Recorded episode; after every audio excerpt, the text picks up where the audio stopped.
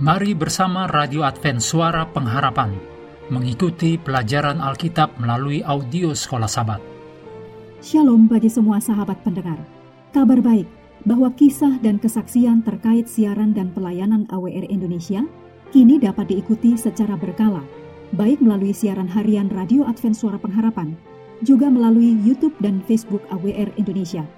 Terima kasih banyak untuk yang sudah menyampaikan dan masih terbuka bagi Anda semua untuk segera SMS atau telepon ke nomor AWR di 0821 1061 1595 atau di nomor 0816 1188 302 untuk WhatsApp dan Telegram. Kami tetap menunggu dukungan Anda. Selanjutnya kita masuk untuk pelajaran hari Kamis tanggal 15 September. Judulnya Pengganti. Mari kita mulai dengan doa singkat yang didasarkan dari Matius 13 ayat 37. Ia menjawab, katanya, Orang yang menaburkan benih baik ialah anak manusia. Amin.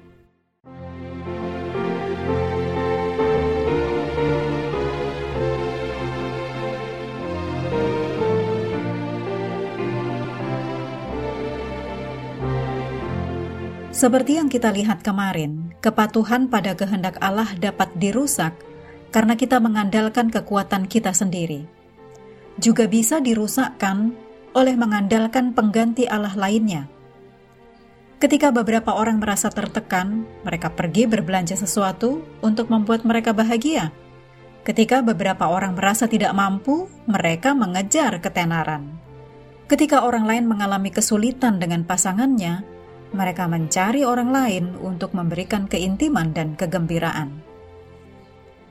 Banyak hal yang kita gunakan dapat meredakan tekanan, tetapi hal itu tidak serta-merta menyelesaikan masalah atau mengajari kita cara menangani situasi dengan lebih baik di lain waktu. Hanya bantuan Allah yang dapat melakukannya. Masalahnya adalah bahwa sering kali kita bergantung pada yang menggantikan Allah daripada kepada Allah sendiri. Berikut adalah tiga pengganti yang mungkin kita gunakan menggantikan Allah.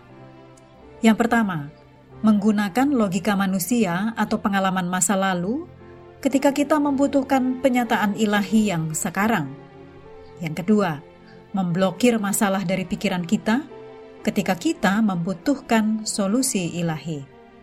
Ketiga, melarikan diri dari kenyataan dan menghindari Allah ketika kita membutuhkan persekutuan dengan Allah untuk kuasa ilahi.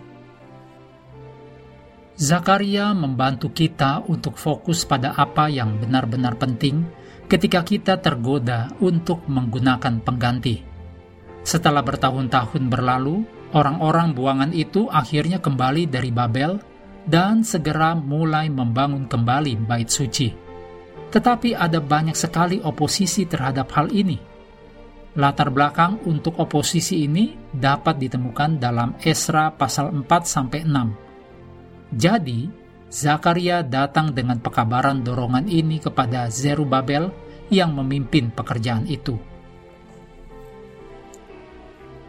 Pekabaran ini dapat dibaca dalam Sakaria pasal 4. Di ayat 6 dituliskan maksud Allah yaitu maka berbicaralah ia, katanya, Inilah firman Tuhan kepada Serubabel. Bunyinya, bukan dengan keperkasaan dan bukan dengan kekuatan, melainkan dengan rohku, firman Tuhan semesta alam. Penyelesaian proyek pembangunan dapat dipengaruhi oleh roh kudus.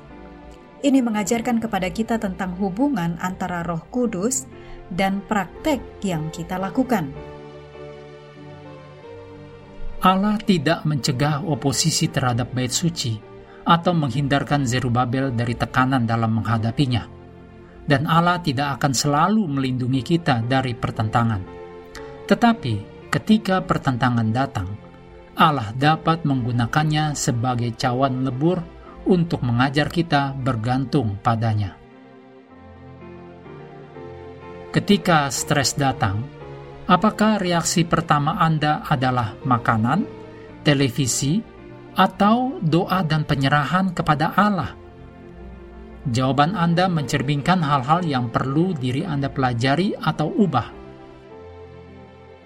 Mengakhiri pelajaran hari ini, mari kembali kepada ayat hafalan kita Yohanes 12 ayat 24. Aku berkata kepadamu, sesungguhnya jikalau biji gandum tidak jatuh ke dalam tanah dan mati, ia tetap satu biji saja.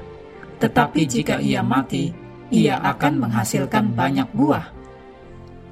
Hendaklah kita terus tekun mengambil waktu bersekutu dengan Tuhan setiap hari, bersama dengan seluruh anggota keluarga, melalui renungan harian, pelajaran sekolah sahabat, juga bacaan Alkitab sedunia percayalah kepada nabi-nabinya, yang untuk hari ini melanjutkan dari 1 Samuel pasal 9.